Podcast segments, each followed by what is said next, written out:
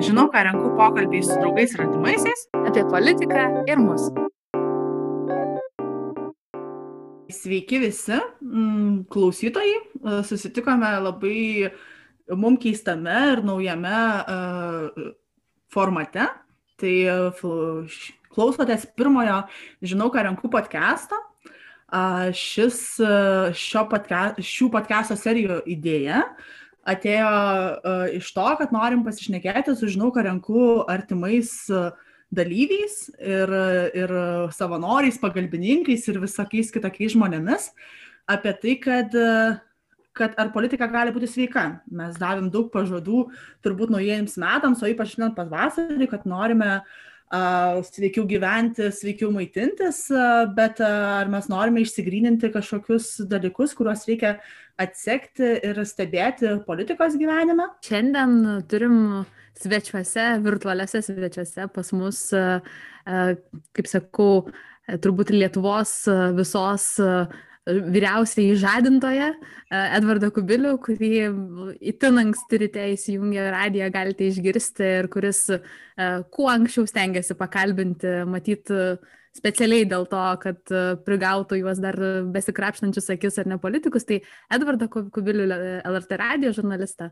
Labas, Edvardai. Sveiki visiems. Ir turime uh, naujai paskirtą ar prisėmus atsakomybę uh, 15 minučių portalo aktualijų redaktorę Robertą Tracevičiūtę. Iki. Ir turbūt šiandien kalbėsime, kaip sudaryti subalansuotą savo politinė, politinės informacijos mytybos piramidę. Dažnai galvojant apie žurnalistą, susidaro toks vaizdas, kad jau jūs žinote viską, ypač apie politiką ir tie, kurie nu, ir dirba politikoje. Tai turbūt klausimas peršasi, kaip jūs patys vertinat, ar jūs manote, kad žurnalistas ir yra tas tikrosios informacijos apie politiką laikytojas, ar jūs esate tos tikrosios, aiškiosios politiko, informacijos apie politiką valdytojai ir laikytojai? Tai klausimas toksai gana sudėtingas. Dabar iš tiesų, kai godai uždavė, tai net susimašiau, pirmą, kas ta, kas, ta, kas ta tikroji informacija, ką mes vertintumėm kaip tikrąją informaciją, nes informacinis laukas yra labai e, platus ir, ir tai, kas jame sklaidžioja, sklando, kiek mes e, ir ką mes galime konkrečiai vadinti informacija informacija, nes tai yra ir nuomonės, ir nuomonė gali būti šiek tiek informacijos ir, ir, ir visa kita.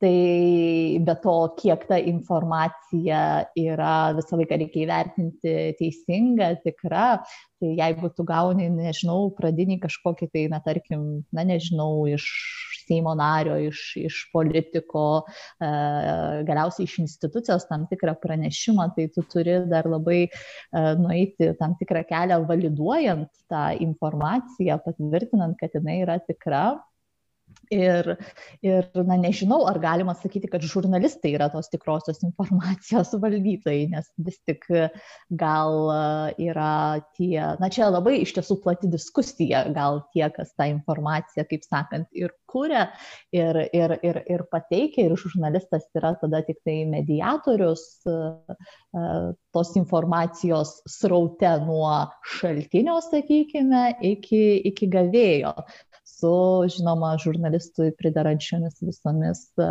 pareigomis ir atsakomybėmis informuojant visuomenę. Tai Edvardai, e, tai kaip, kokį kelią čia reikia nueiti, kiek kilometrų nuo to, kad tu patikrini e, šaltinis yra patikimas ar nepatikimas, ši informacija yra tikra ar netikra.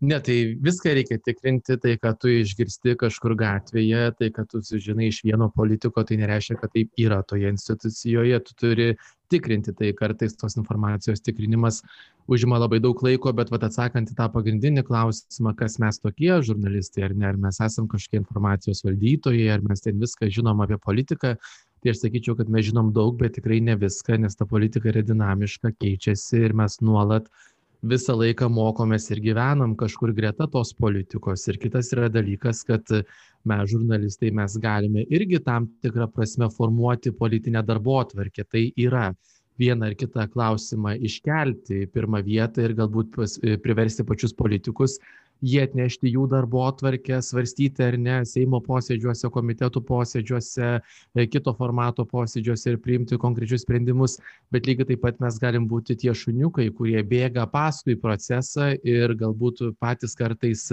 ne visada suprasdami tampam politikų įrankiu, kai kartais iš tikrųjų mes kalbam kokią nors temą savaitę ir atsikeli vieną rytą ir tu galvoji, o kodėl mes savaitę kalbam apie tai. Nu, pavyzdžiui, sakykime, diskusijos leisti ir neleisti grožio specialistams dirbti jau atlaisvinus karantiną. Ir mes kalbam dvi savaitės. Jau savaitė iki to, kad galbūt leis, tada vyriausybė nusprendžia, kad neleis. Tada vėl savaitę kalbi iki tol, kol leis. Tada, kai jau leidžia, dar savaitę kalbi. Ir tada tu pagalvoji, ar tikrai tai yra tema, kurią reikia kalbėti tris savaitės, praktiškai kiekvieną dieną, ar tikrai grožio specialistai ir kirpėjai yra ta socialinė grupė, kuri dabar turi nusinešti ir pasiglemšti ar ne visą mūsų dėmesį, o kur yra, pavyzdžiui, padėtis mokyklose, kur vaikai mokosi nuotoliniu būdu ir taip toliau. Tai vat, čia vat, kartais mūsų, sakau, ta užduotis yra, tarsi mes susidarom tokį įspūdį, kad mes žinom daug, bet kartais tu pats pagauni vat, save žurnalistą, kad tu kažkaip eini greta su procesu ir galbūt kartais trūksta to tokio staptelėjimo ir dar kartą perklausimo. Kodėl va tu apie tai išneki ir kas čia dabar diktuoja mums tą darbo atvarkę? Politikai ar mes patys, ar tam tikros visuomenės grupės, tai čia reikia daug, sakyčiau, kritinio mąstymo ir, ir nebijoti staptelėti, pamastyti, kodėl taip yra. Edvardai, žinai, tu labai teisingai sakai, dėl to, kad ir aš kaip ne žurnalistė, rinkėja arba tiesiog pilietė, irgi dažnai pasijaučiu tokia manipulacijos galbūt įrankių, kai ir tada aš matau kelis dedamosius, tu, tu gal matai tada vieną kaip žurnalistas, kad kažkokia informacija ateina iki tavęs, o aš matau, kad tada ir žurnalistai man kažką suponuoja, apie ką aš turiu galvoti ir kas man turi būti problema. Ir tada politikai, ir tada iš viso aš jaučiuosi pasimetusi tam, tam sraute. Ir juo labiau, kad einu į rinkimus, tada ateiname su kažkokiam savo adžendom ateina tam tikros politinės jėgos, kurios duoda toną, kažkada tai davė, žinai, ten darbo partija davė, kad visi kalbėjo tik tais apie minimalę algą ir buvo visi rinkimai apie tai, tada dar kažkas, bet tada, o tai kur ieškoti tos tikrosios informacijos, kuri padėtų susidaryti nuomonę apie kažką aš nežinau roberta man pritars ar ne bet aš sakyčiau kad nėra tokios tikrosios informacijos. Yra informacija kurią mes gaunam iš politikos in, iš politinių institucijų seimo vyriausybės ministerijų prezidentūros. Ir yra ta informacija kur sakykim mes patys iš kažkokios nuotrupos padarom temą ir diktuojam politinę darbotvarkę. Pavyzdžiui bet tada, bet tada kuo, o kuo tada skiriasi tai vat aš tiesos Tai, Nes ne, tada tai, mes melagienoje turbūt mes rasime dalį tiesos arba kažką. Ne, tai- nu, kažkaip. tai nereikia manyti, kad institucija, kuris skelbia pranešimą spaudai ar ne, ar, ar, arba vykstantį kažkokį tai procesą, kad tai yra melagiena. Ne, tai kiekvienos institucijos tikslas yra pritraukti žiniasklaidos dėmesį. Mūsų tikslas yra įvertinti, kiek ta informacija, kurią skelbia institucija, yra aktuali visuomeniai. Na, vad sakykime, mes trečiadieniais per LRT radiją ryto garsuose 8.05 turim Seimo poziciją. Ir mes ten vienu ar kitu aspektu aptariam kažkokią tai Seimo aktualiją. Ir, na, sakykime, tu pasižiūri, ką tą trečiadienį svarsto komitetai ir vad kurią temą tau iškelti ar ne kaip vieną pagrindinių ryto laidoje. Ir tu peržiūri tas temas ir tu supranti, kad aš čia tą temą kalbėjau už vakar, tą temą kalbėjau praeitą savaitę ir jau kaip ir, nu, kaip ir čia svarbu, bet jau kaip ir mes kalbėjom ir gal jau užtenka. Ir tada tu pasiimi kelis politikus iš opozicijos ir jų klausi, tai kur yra ta frakcija, kurią būrė Remigijus Žemaitaitis ir Kestutis Glaveckas. Ir štai kartais išsirašo tada portalai, išsirašo agentūros ir tiesiog tavo vat, Seimo veiklos tam tikra nuotrupa tą dieną tampa viena svarbesnių politinių naujienų. Tai dabar, kažkai, opozicija su Žemaitaičiu ir Glavecku prieš akį sukurs naują frakciją ar nesukurs? Čia galim diskutuot jau iki nukritimo. Ar mes kaip žurnalistai gerai padarėm? Gal mum reikėjo imti apie gyvūnų gerovę kur svarstys ar ne ten aplinkos komitetas ką nors? Tai va čia yra tas diskusinis klausimas kur aš manau niekada vienareikšmiško atsakymo nėra. Tai tu žiūri ir pagal bendrą kontekstą kurį pateikia tavo žiniasklaidos priemonė kurį pateikia kitos žiniasklaidos priemonės. Edvardas nesako, kad radijas štai padaro laidą, pakalbina politikus ir tada portalai puola rašyti tą temą.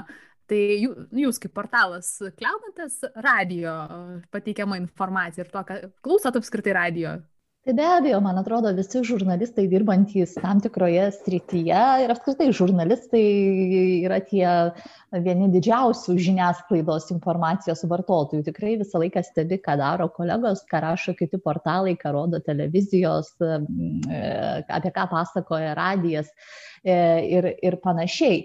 Tai, na be abejo, vieni iš kitų kartais semėmės iš įkvėpimo, štai gal radijas kažką tai ryte pakalbina, kažkokią laidą padaro, gal portalas su kažkokia medžiaga išeina, ką vėliau plėtoja televizija vakaro žiniuose ir taip toliau ir panašiai.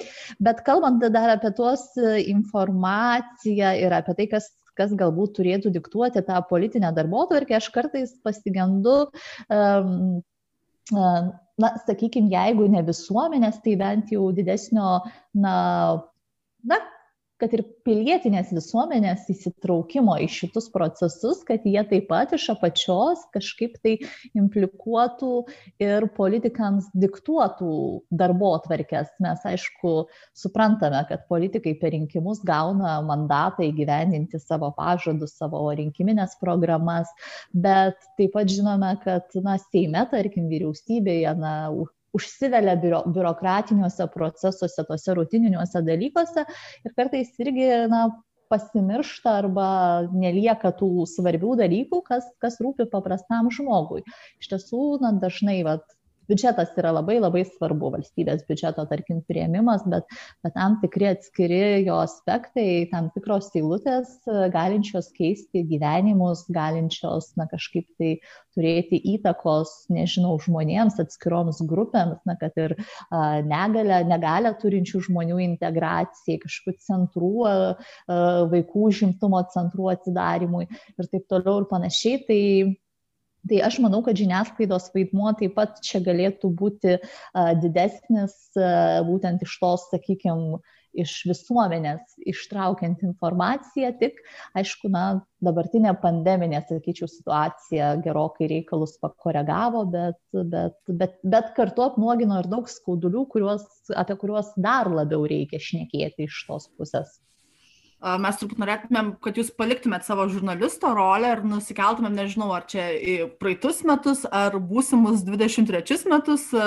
įsivaizduokime, kad yra rinkimai ir Edvardas balsuoja vis dar savo Joniškio kaimelyje, Roberta vis dar balsuoja uh, prie Marijampolės kažkur esančioje vietoje. Ir... Viškio rajonas. Čia, tiksliau, ne, ne prie Marijampolės esanti vieta, bet irgi tiksliai apibūdinta. Taip. Tas galas. Tas. ir e, reikia jums balsuoti. Ir yra sąrašas, e, tai galim kalbėti apie merą, galim kalbėti apie vienmandatininką turbūt, ir yra sąrašas 10-15 žmonių ir e, nuo ko Roberta ir Edvardas e, kaip piliečiai pradeda ieškoti informacijos, už ką čia aš galėčiau balsuoti ir atiduoti savo balsą. Nu, aš tada galiu pradėti, kad uh, man pasirinkimas per šiuos rinkimus, kadangi vėlgi pandeminė situacija, per pirmąjį rinkimų turą turėjau būti izolacijoje, savizolacijoje, tai niekas pas mane balsuoti netėjo, tai a, tą pirmąjį ratą reikėjo praleisti, na, bet ant, antrajame ture, kadangi mano apygardoje vyko rinkimai, tai dalyvavau rinkimuose ir, na, pasirinkimas, na, buvo toks buvo labai aiškus, aišku, pasirinkimas, bet, bet ne iš tų variantų, sakyčiau, kad e, geriausias iš, iš, iš, iš geriausių.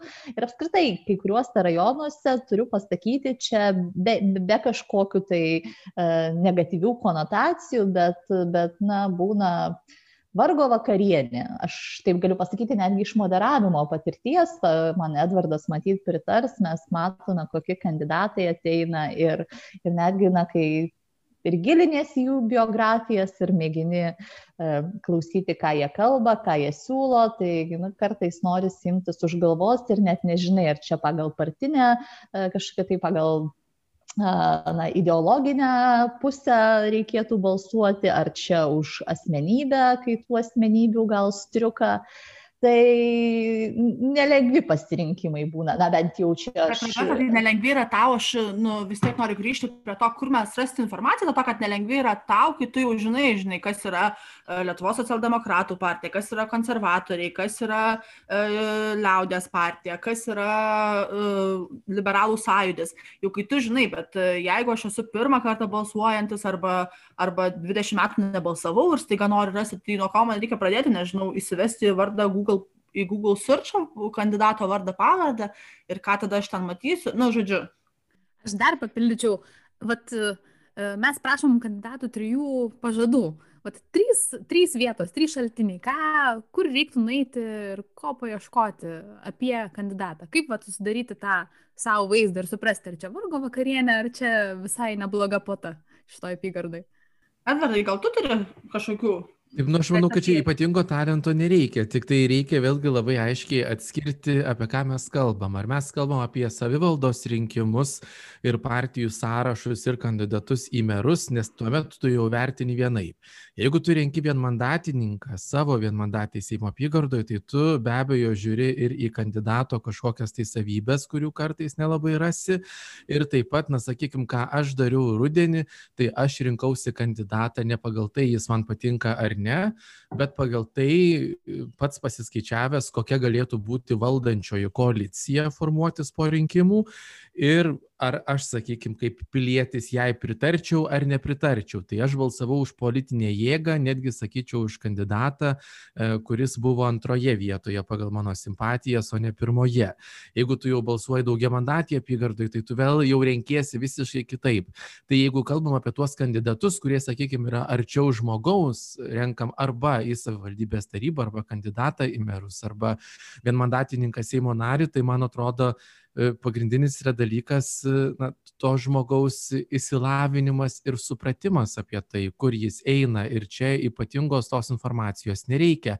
Paprastas dalykas, tu pasižiūri, ką jis rašo Facebook'e. Ir jeigu tu žinai, kad jis pats rašo, ir jeigu jis moka rašyti, tai jau gauna iš tavęs tam tikrą pliusiuką, bet jeigu nu, nemoka rašyti, tokių kandidatų yra, kurie nededa taškų, kurie nededa kablelių, kurie akivaizdžiai nesurės gaminties.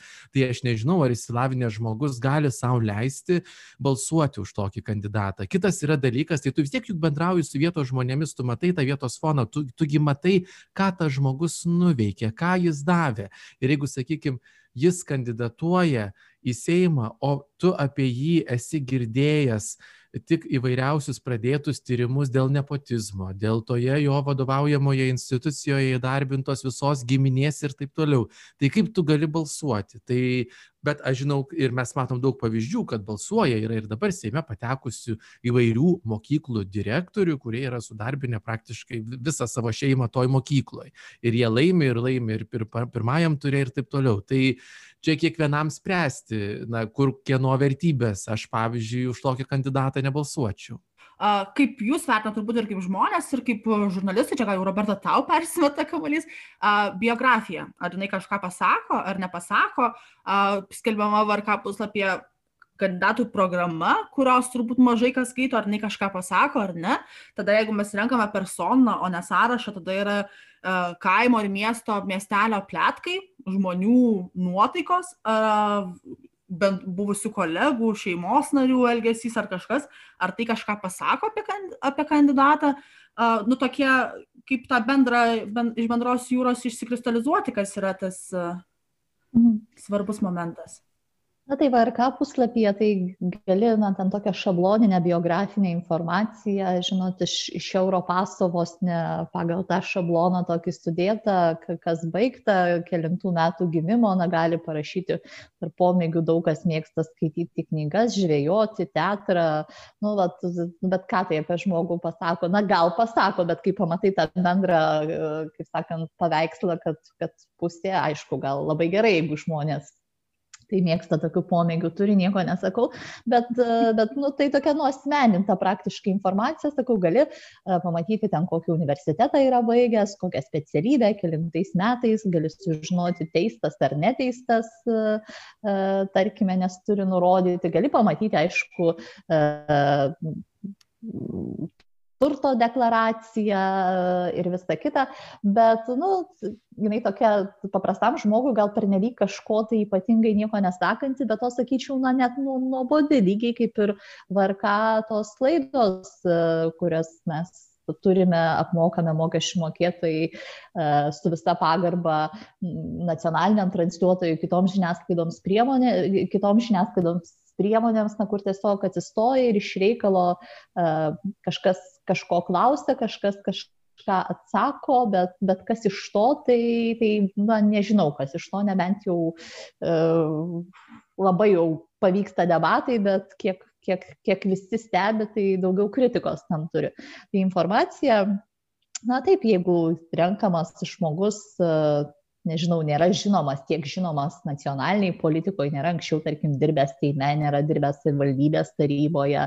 Tai, tai priklausomai nuo, nuo savo interesų. Jeigu tu esi žurnalistas, aš aišku, prašyt čia šiek tiek atsispirti, nebūti žurnaliste, tai, tai, tai priklauso nuo to, kiek tu nori įsitraukti. Gal tau iš tiesų nu, užtenka pakalbėti su kaiminė Marija ar per tvorą su gyvatvorę karpančiu Jonu, kuris ten pasakys, kad štai Antanas, kuris čia eina į Seimą, vad sutvarkys mums kelią, kultūros namuose koncertą gal gražų kokį padarys, e, nesvarbu, ar tai galbūt gali būti traktuotina kaip rinkėjų papirkimas ir panašiai, arba šiaip tiesiog geras žmogus, e, tai, tai kai kam to užtenka.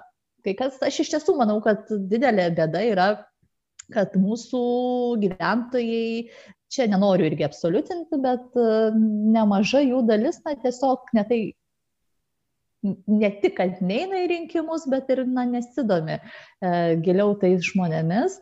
Tai vat, aš manau, kad kažkokie susitikimai, netgi nevyriausybininkų, tarkim, kaip jūsų debatai, yra naudingi. Bet tik aišku, kiek juos žmonių ateina, kiek, kiek, kiek jiems įdomu.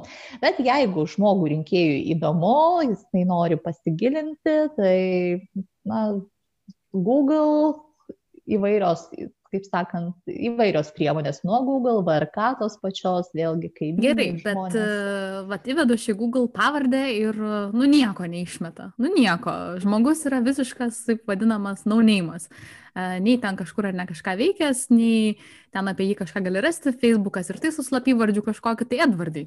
Ką, kaip surasti, kaip vat, iškasti informaciją, susidaryti tą vaizdą, suprasti, kas čia per uh, kandidatas, aš esu susidūręs su panašiais atvejais tai aš skambinu vietos bendruomenėms žmonėms kurie gyvena toje apygardoje kurioje kandidatuoja seimo narys ir jie pasakoja. Ir pavyzdžiui tam tikrą vaizdą tu gali susidaryti. Aš žinau štai vienas kandidatas į seimą prieš seimo rinkimus lankė visas įmanomas bendruomenių šventes įskaitant ir jo apygardos gyventojų laidotuvėse lankėsi. Tai vat jūs man ir pasakykit pavyzdžiui ar seimo narys kandidatas į seimą ar jis turi lankytis mirusiojo laidotuvėse? Nes na laidotuvės būkim biedni bet teisingi yra renginys kur susirenka žmonių grupė ir na natūralu kad tam paprastam žmogui ar ne kaimo žmogui kai miršta jo artimasis ir štai seimo narys atneša gėlių. Jam palieka įspūdį ką tai demonstruoja apie seimo narį kad jis žmogiškas kad jam rūpi. Tai taip labai tikėtina kad tas žmogus to tų laidotuvių dalyviai galbūt ir atiduos balsą. Man kaip žmogui stebinčiam politiką atrodo kad gal vis dėlto politikams nereikėtų eiti į žmonių laidotuves reikėtų apsiriboti tik nedidelėm kaimų bendruomenių ar miestelių šventėmis. Tai jeigu tai yra nuoširdu tai yra gerai bet jeigu tai nėra nuoširdu aš tikiu kad dažnai tai nebūna nuoširdu tai va čia ir yra klausimas. Tai ką tai tai taip ir renkiesi tą informaciją. Tu gaudai tiesiog faktus per įvairiausius šaltinius kuriuos tu gali sugaudyti. Na ir jeigu mes sakykim rengiamės debatams tai tu tų tų dalykų gali klausti tikslintis ar ne ir tiesiog gauti to politiko kandidato atsakymus ir jau ta visuomenė kuri už jį balsuos arba nebalsuos pati sau ir gali pasidaryti išvadas. Grįžtant prie vyriausiosios rinkimų komisijos deklaracijos tai man ten yra du svarbūs dalykai. Išsilavinimas nes na tu preziumuoji kad valstybės institucijai tas politikas nemeluos ir nurodys tikrą išsilavinimą kokį jis turi nors ne visada tai būna ir kiti du momentai. Tai yra turto deklaracija kur kartais aš manau roberta man pritars mes atrandam įspūdingų pavyzdžių kaip tarybos narė vieno rajono per pastaruosius dvejus metus turi nulį pajamų bet jinai verčiasi gyvūnų veisimu. Tai kyla elementarius klausimus iš ko ji gyvena. Ir supyksta kandidatas kai tu jo paklausi ir tada bando visaip vartytis ir galų gale paaiškinimas kad vyras neblogai uždirba tai gyvena iš vyro pinigų veisia šuniukus bet štai per pastaruosius dvejus metus uždirbo nulį eurų. Tai man atrodo kad protingam rinkėjui štai toks išknisas faktas irgi šį bei tą suponuoja. Nu kad kyla klausimų dėl to kandidato ar ne skaidrumo finansinio apsirūpinimo arba arba galbūt noro sakykim padėti paprastam žmogui atėjus į politiką. Tai aš sakyčiau vat vrk deklaracijos du tokie dalykai. Na ir jeigu jau nieko nėra apie kandidatą nu tai tu skambini tai tu skambini ir klausinėji. Viskas. Kito varianto nėra. Man priminei edvardai apie tas e, e, deklaracijas nulių ir, ir žmonės uh, kandidatuojančius. Mes su Roberta turėjom, Robertas moderuojamuose debatuose, kalvarijose turėjom tokį veikėją, kuris pasakė, kad jisai verčiasi prekybą, pajamų nedeklaruoja ir nelabai žino, kaip čia ką, jis ir direktorius, ir viskas, bet nulį uždirba, nulį, nu žodžiu. tai labai liūdna bet dabar tada atsispiriant nuo tų rinkiminių pažadų ir tada, kai mes jau atrodo išsirinkome kažką ir mes jau pasitikime kažkuo, kaip, ar yra, koks yra sąryšis ir sąlytis tarp to, ką žmogus pažada ir tarp to, ką padaro. Ir ar, ar tas geriausiai performantis prieš rinkimus ir per rinkimus ir atrodantis potencialiausiai visada ir būna išnaudoja savo potencialą, gavęs tą mandatą ir platformą daryti kažkokį pokytį. Tai čia vat, vėlgi klausimas, ar tai kandidat, kur tas žmogus, tarkim, dirba. Jeigu kalbėtumėme apie Seimo politikus, tai vėl priklauso, ar jisai priklauso opozicijai, e, vėlgi opozicijoje, ar jis dirba kokioje dideliai skaitlingoje frakcijoje, ar jisai dirba, na, tarkim, iškioj Seimo narių grupiai, kur įvairių politinių jėgų atstovai gali burtis, kurie negali suburti, neturi pakankamo skaičiaus, kad savo partinę, sakykime, frakciją Seime įkurtų, ar jis dirba valdančiojoje daug daugumoje, bet labai dažnai, na, politikai turim gausybę pavyzdžių, kiek yra neišpildytų pažadų ir kai tu klausi tiek iš dešinės politikų, tiek iš centro, tiek iš kairės, net pabaksnoji, sakėt, taip, vad kur yra tai. Ir tai nėra kažkoks grandiozinis darbas nuskristi į kosmosą netoks pažadas, na, bet jie sako, žinot, dirbom koalicijoje, jeigu dirbo valdančiojo koalicijoje, tai vat, su partneriais ne visada pavykdavo suderinti, vat, kada suteiks mandatą, kad vieni dirbtumėm, jau tokią daugumą didžiulę turėtumėme, absoliučią, sakykime, daugumą. Tai, tai va tada jau opozicijoje jeigu dirba irgi pasiteisina, na ką opozicijoje padarysi, nieko opozicijoje nepadarysi, arba tiesiog nesako, kad teikiau ten, pateikiau per sesiją dešimt įstatymų projektų, pasisakiau Seimo salėje ten penkis kartus, na jie kokią visą statistiką, ten tokius bukletus mėgsta leisti ir pavyzdžiui savo apygardas vežti. Na kartais atrodo tai toksai darbo imitavimas ir iš rinkėjų pusės, sakyčiau, stinga atitinka tos e, tokios svaresnio atsakomybės reikalavimo. E, bet kita vertus, kaip pasirinkimas, vėlgi, jeigu grįžtam prie to, kad e, pasirinkimas tarp kandidatų politikų yra skurdus ir kartais renkėsi tiesiog, kaip dažnai daug kas sako, geriausią variantą iš blogų, tai, tai vat, gal čia tas uždaras ratas toks ir, ir gaunasi. Bet žinoma, čia, čia negalima suponuoti, kad politikai nevykdo visiškai pažadų, kad, kad jiems jų politinė darbo atvarkė jų programa nėra svarbi, jeigu kai kurie ten formaliai pro formą kažką surašo, nutiesiu kelią, stengsiuosi, kad ten iš kelių priežiūros fondo pinigai ateitų, kad ten socialinės apsaugos ir darbo ministerija kažkam skirtų arba švietimo mokslo ir sporto ministerija kreiptų dėmesį į kokį daugia funkcijį jaunimo centrą. Tai, na, čia sakau, absoliutinti negali, bet, bet manau, kad didesnės atsakomybės turi iš politikų reikalauti rinkėjai. Tada jie galbūt taip neatsipalaiduos ir jaus didesnę atsakomybę. Edvardai, tai o kaip tos atsakomybės reikalauti, skambinti politikui sakyti, kur mano kelias? Ar ne aš noriu grįžti truputį bendriau. Jau ne vienerius metus lietuvos politinėj padangėj vyksta diskusija ką daryti su vienmandate apygarda. Ar ją naikinti ar keisti rinkimų sistemą.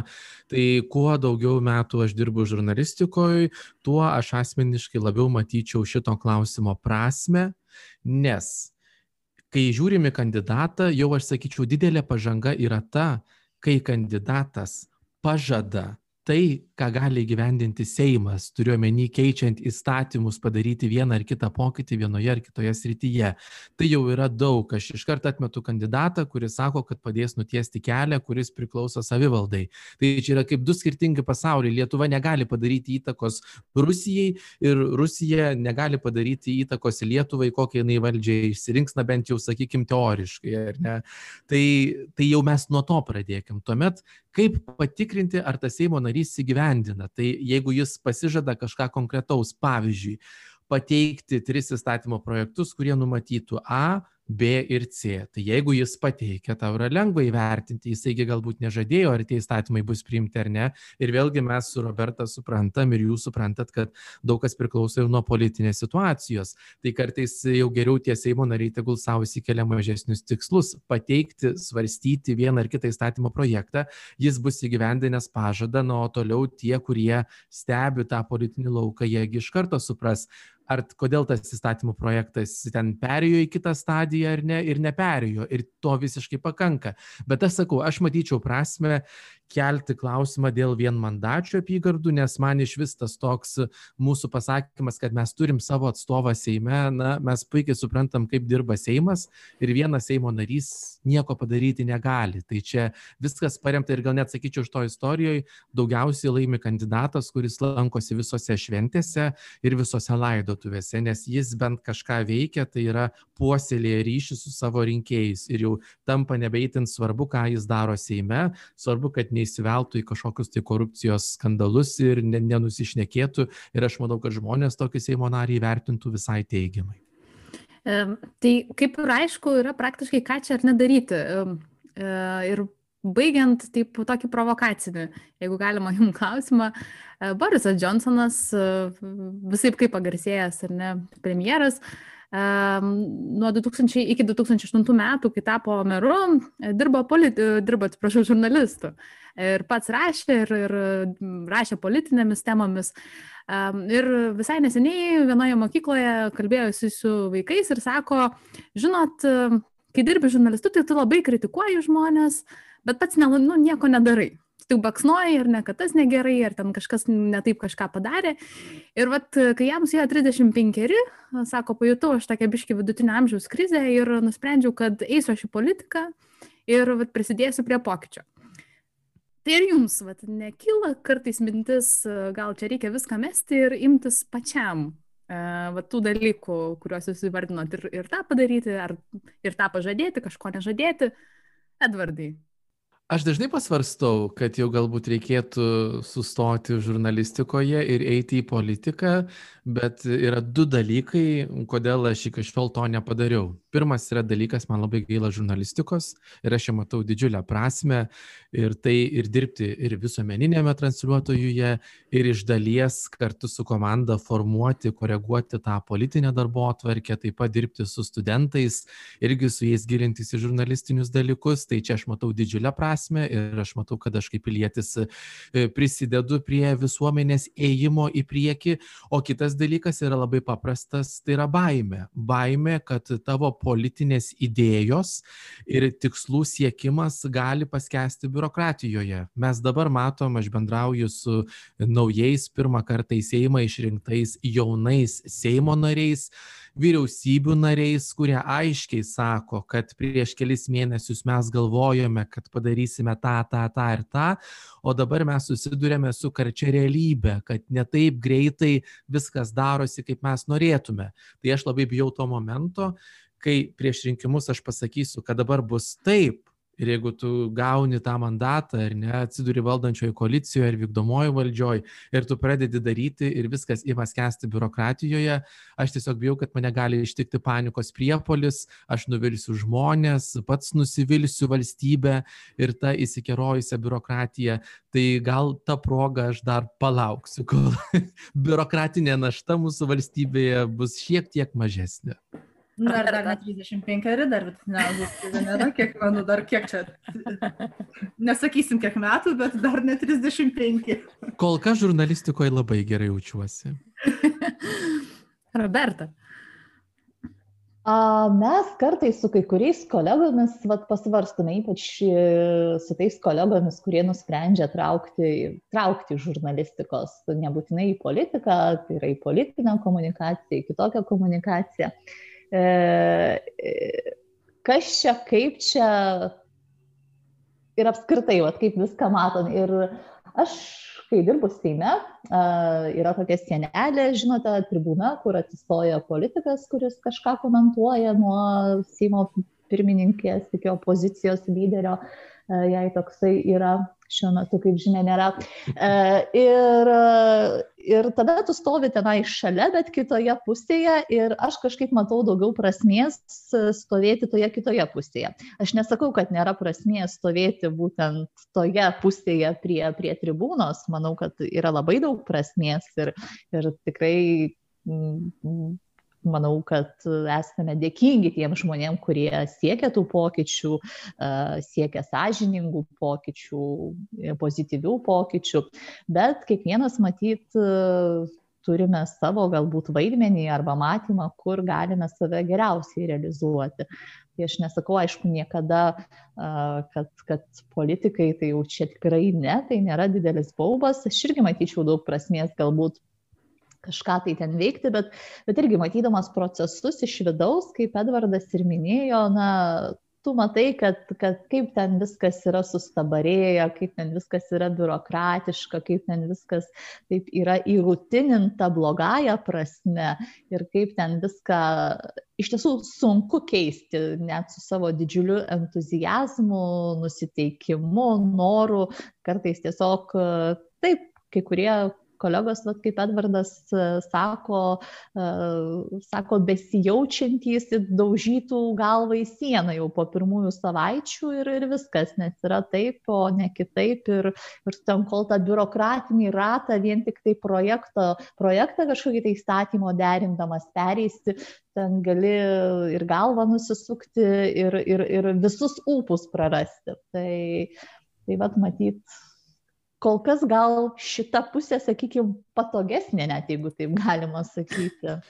Taip, aš dar tik baigiant noriu pacituoti vieną, man vienos ministerijos vienas solidus tarnautojas yra pasakęs šitaip, nuo mūsų priklauso, ar ministras vykdys sėkmingai politiką ar ne, nes mes, biurokratai, tie, kurie išmanom valstybės sistemą, galim padaryti šitas įstatymo projektas. Praeis ar nepraeis, jis duos realią naudą ar neduos realios naudos. Tai vad, man atrodo, tokia mintis irgi daug ką pasako.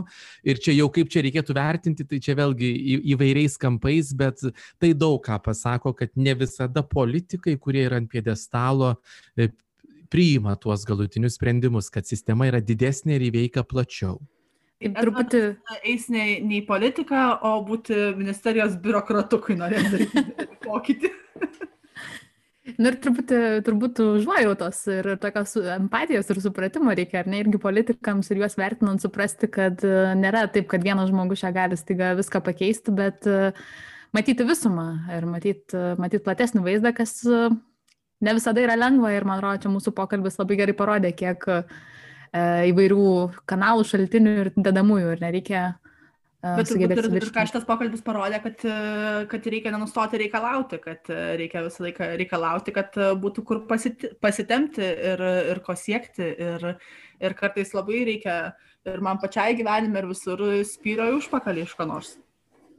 Taip, ir čia belieka pridurti, kad na, politikai dažnai patys žino vis dėlto į kokią galerą, kabutės, jeigu taip galima sakyti, jeigu jie jau taip ją vadina, jie eina, jiems na, tai tikrai nebūkim naivus, kad jie yra tokie naivus, o jeigu jau matai, kad na, nepavyksta, tai sąžiningai gali užleisti vietą kažkam, kažkam kitam. Tai ačiū Jums labai, kad e, šį vakarą buvote su mumis. Tai dar turbūt galim pakartoti, kad e, su mumis buvo 15 minučių aktualijų redaktorė Roberta Tracevičiūtė ir Edvardas Kubilius, LRT radio žurnalistas. Džiaugiamės, kad dar neįstei politiką ir 23 metais su mumis debatuose pasismaginsite. Ir dėkui iš tikrųjų, kad pasidavėte tokį provokaciją apsikeisti šiek tiek rolėm, nes mes pratę turbūt, kad Edvardas mus kalbintų ar kalbintų kitus, Roberta irgi provokuotų ir bandytų išgauti įvair, įvairias pikantiškas detalės ar ne iš to, kas vyksta. Tai tikrai labai labai jums ačiū, tikimės klausytojams, kad buvo įdomu ir čia na, pirmasis mūsų toks pokalbis, jų bus dar du. Bent jau. Tai ačiū labai, kad pakvietėte, tikrai buvo smagu pasikalbėti. Su jumis buvo Žinau, ką renku podcastas. Tikime susiklausyti dar ne kartą.